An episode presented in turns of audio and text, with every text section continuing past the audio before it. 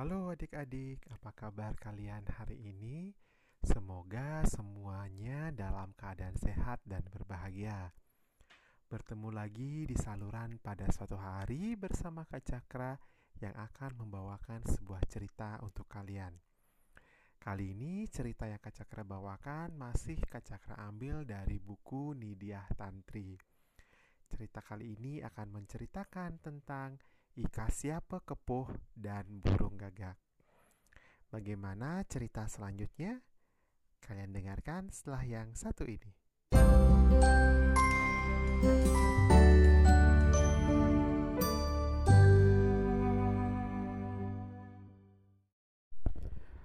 Pada zaman dahulu kala di sebuah lapangan yang sangat luas, ada sebuah pohon kepuh yang tumbuh di sana. Pohon ini sangat besar. Selain itu, daun-daunnya sangat rimbun. Entah berapa ratus cabang yang ada di ujung pohon tersebut. Tapi lama-kelamaan pohon itu meranggas. Daunnya mulai menguning dan berguguran. Beberapa keluarga burung gagak yang tinggal tidak jauh dari sana melihat si pohon menuju kematiannya. Maka mereka pun datang ke sana dan bertanya kepada si pohon yang bernama Ika siapa kepuh. Kak! Hai, siapa kepuh. Aku sangat prihatin melihatmu. Lihat saja sekarang, daun-daunmu telah menguning dan meranggas. Selain itu, kau terlihat sangat tidak sehat. Apa yang sebenarnya terjadi kepadamu? Demikian kata si gagak. Kasiapa kepuh kemudian berkata, Gagak, sepertinya waktuku di dunia ini hampir habis. Aku kian lama kian merasa tidak sehat. Ini semua karena para pengembala yang suka merobek-robek kulit pohonku. Kulit pohon ini sangat berguna untuk menyebarkan makanan ke seluruh tubuhku. Dengan dirobeknya kulit pohon, banyak makanan yang tidak bisa tersebar sehingga aku menjadi semakin lama semakin lemas. Jika ini terus berlangsung, tidak lama lagi aku akan mati. Demikian kata Ikasya Kepuh dengan memelas kepada si gagak. Gagak yang jatuh kasihan kepada Kasya Pekepuh pun berkata, Kasya Pekepuh, kamu tenang saja. Jika hanya pengembala saja masalahmu, kami akan membantumu. Sabarlah kau menunggu, dan kami akan segera kembali bersama bala bantuan kami. Kemudian Igagak dan beserta keluarganya pergi menjauhi Kasyapa Kepuh. Entah berapa lama kembalilah mereka ke arah Kasyapa Kepuh dengan membawa mayat-mayat yang didapatkan dari medan perang. Mayat-mayat yang belum sempat dikuburkan digantunglah oleh mereka di dahan Kasyapa Kepuh. Mayat-mayat ini berbau sangat busuk dan mengeluarkan cairan yang tidak kalah busuk baunya. Keesokan harinya datanglah para pengembala di sana. Seperti biasa, setelah mereka mencarikan tempat untuk sapi-sapinya memakan tumbuhan, mereka pun akan berteduh dari panasnya terik matahari di bawah ikas siapa kepuh.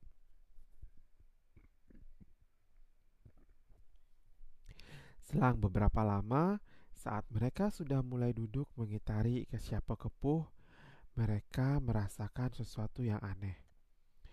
Ada tetesan-tetesan air yang berbau sangat busuk. Lalu mereka pun menoleh ke atas. Ternyata ada banyak mayat yang bergelantungan. Sangat menyeramkan keadaan ikan siapa kepuh pada saat itu. Maka mereka pun berlarian menjauhi ikan siapa kepuh karena selain baunya, ada pemandangan yang sangat mengerikan yang mereka lihat di atas Ikasia Pekepuh. Sejak saat itu, Mereka mengira Ikasia pekepuh adalah pohon yang berhantu. Mungkin saja ada sesosok genderuwo yang tinggal di sana dan meletakkan mayat-mayat itu. Jadi, para pengembala tidak lagi datang ke sana untuk berteduh. Karena tidak ada lagi yang merusak kulit pohonnya, Ikasia pekepuh kemudian berangsur-angsur membaik. Tubuhnya bertambah kuat. Selain itu, pucuk-pucuk daun hijau mulai bermunculan di atasnya.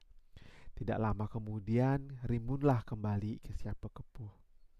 Gagak-gagak yang pernah menolongnya merasa sangat senang bahwa apa yang mereka lakukan ternyata sangat bermanfaat untuk Ikasia Pekepuh.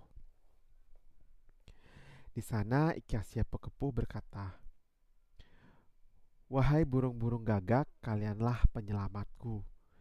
Jika tidak ada kalian, entah bagaimana nasibku. Sekarang aku akan berjanji kepada kalian untuk menjaga kalian jika kalian berkenan membuat sarang di sini. Tidak ada hal apa pun yang akan mengganggu kalian di sini. Demikian kata Ikasya Pekepuh.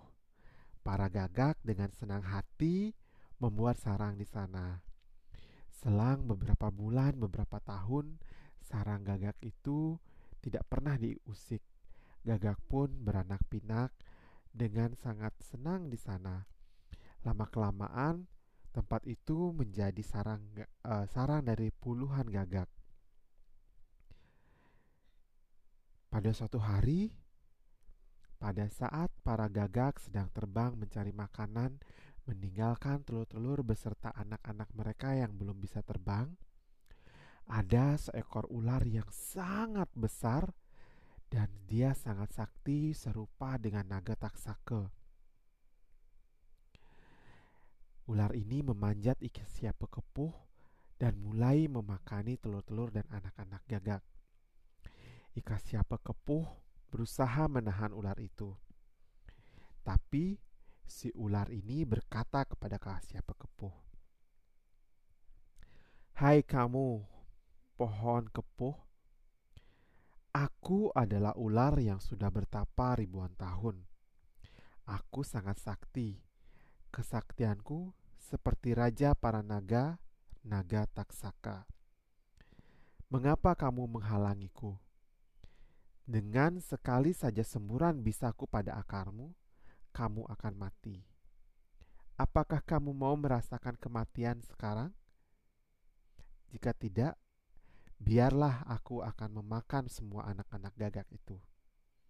Selain itu, kamu tahu kan, gagak itu adalah binatang-binatang yang lemah. Jadi, buat apa kamu ber berteman dengan binatang yang lemah? Tidak ada gunanya bagimu. Tapi jika kamu berteman denganku, aku akan melindungimu dari mara bahaya. Demikian kata si ular besar yang serupa naga taksaka itu. Kasyapa kepuh pun termakan hasutan uh, sang ular. Ia berpikir, benar saja ya, gagak adalah binatang yang lemah. Tapi jika aku bersahabat dengan Ikasya dengan si ular ini, maka aku akan dilindungi olehnya dari semua pengganggu. Baiklah, aku akan bersahabat dengan ular ini dan membiarkannya memakan anak-anak gagak. Demikian kata siapa kepuh. Kemudian ular raksasa ini membuat sarang di, sekitar, di sekitar akar Ikasya Kasya pekepuh dan membuat sebuah lubang yang besar di sana. Para gagak yang datang dari mencari makan terkesiap. Sarang mereka sudah porak-poranda. Telur-telur mereka sudah tidak ada di tempatnya. Demikian juga anak-anak mereka yang belum bisa terbang sudah tidak ada di sana. Maka mereka pun bertanya kepada Ikasya pekepuh, dengan entengnya, Kasyapa Kepuh menjawab bahwa dirinya tidak tahu. Kemudian, gagak-gagak ini kembali membangun sarang dan bertelur. Kejadian yang sama pun terulang, hingga pada suatu hari ada seekor gagak muda yang menyelidiki keberadaannya. Diketahuilah olehnya, ternyata Ikasia pekepuh telah berteman dengan seekor ular. Maka gagak-gagak ini berusaha melawan si ular dan mengusirnya dari Ikasia pekepuh. Ternyata seperti yang dikatakannya si ular ini sangat sakti. Ia bisa menyemburkan bisa dan dengan sekali kibas saja puluhan ekor gagak sudah bisa dikibas dengan ekornya dan mereka mereka pun terplanting ke tanah. Gagak-gagak yang terjatuh ini kemudian dimakan oleh si ular. Gagak-gagak yang selamat kemudian melarikan diri. Mereka berpikir bagaimana caranya untuk mengusir si ular ini sekaligus menghukum ikan siapa kepuh yang sudah mengkhianati mereka. Hingga kemudian si gagak muda berkata, "Kakak-kakakku semua, Tenanglah, aku akan membalas kejahatan si naga dan juga Ikasia pekepuh. Kalian tunggulah di sini, aku akan pergi sebentar. Si gagak pun pergi entah ke mana. Kita tinggalkan dulu gagak-gagak yang sedang bersedih dengan keberadaan sarang mereka yang dihancurkan naga. Sekarang kita beralih ke sebuah pemandian di mana seorang pangeran uh, mandi di sana. Ia melepaskan pakaian kebesarannya dan mulai menikmati jernihnya air dan dinginnya air di sana. Saat ia sedang mandi dan dijaga oleh pengawalnya, tiba-tiba si gagak muda itu turun menungkik dan mengambil perhiasan yang dimiliki oleh sang pangeran.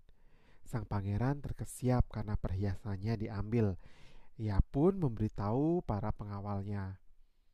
Pengawal pangeran ini kemudian melihat ternyata seekor gagak mengambil perhiasan sang pangeran. Si gagak terbang rendah dan berpura-pura jinak. Tapi setiap kali para pengawal ini akan menangkapnya, ia terbang sedikit lebih tinggi dan menjauh. Dan sampailah ia di pangkal Ikasia Pekepuh dan menjatuhkan perhiasan sang pangeran di sana. Ternyata perhiasan ini kemudian jatuh ke dalam gua tempat bersarangnya i, i, uh, seekor ular besar tersebut. Orang-orang yang yang menjaga pangeran menjadi sangat kaget. Ternyata ada seekor ular yang bergelung di sana yang bergelung di sana tertidur dan mem, uh, disekelilingi oleh perhiasan-perhiasan yang dijatuhkan oleh si gagak.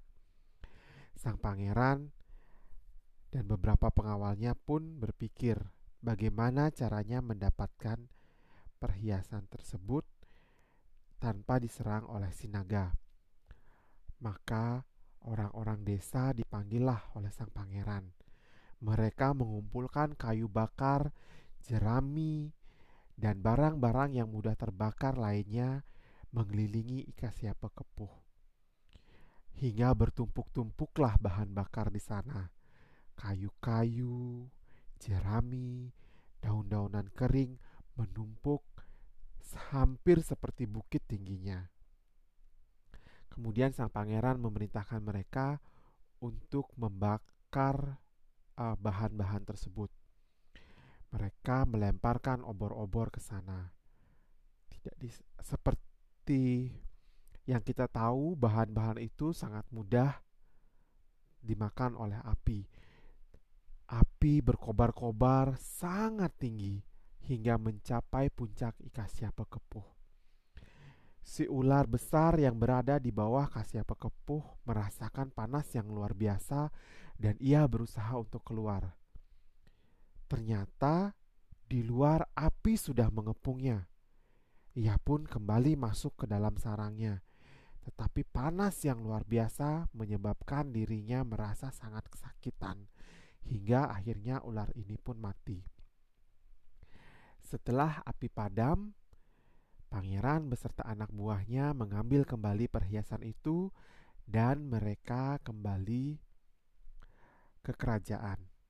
Masyarakat sekitar pun kaget melihat seekor ular besar di sana karena ternyata beberapa minggu terakhir sejak si ular ada di sana, beberapa orang di desa kehilangan ternak mereka. Ada yang kehilangan ayam, ada yang kehilangan kambing, dan ada yang kehilangan sapi. Itu karena dimakan oleh si ular besar. Setelah si ular besar mati, selain gagak-gagak, para warga desa pun merasa lebih tenang. Nah, Bagaimana dengan nasib Ikasia pekepuh yang mengkhianati para gagak?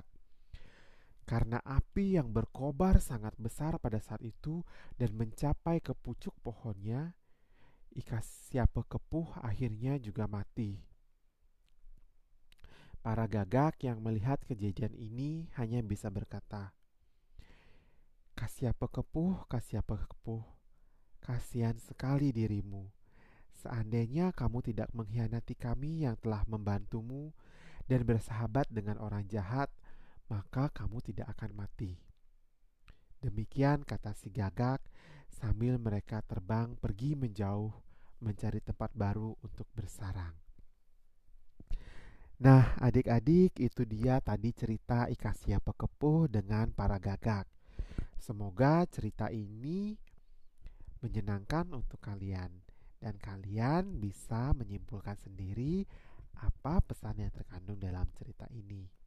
Kak Cakra mau pamit undur diri dulu, tapi seperti biasa Kak Cakra ingin berpesan kepada kalian untuk menjaga kesehatan baik-baik, selalu menggunakan masker saat bepergian, sering-sering mencuci tangan, dan hindari kerumunan. Semoga kalian sehat selalu. Sampai jumpa pada dongeng berikutnya.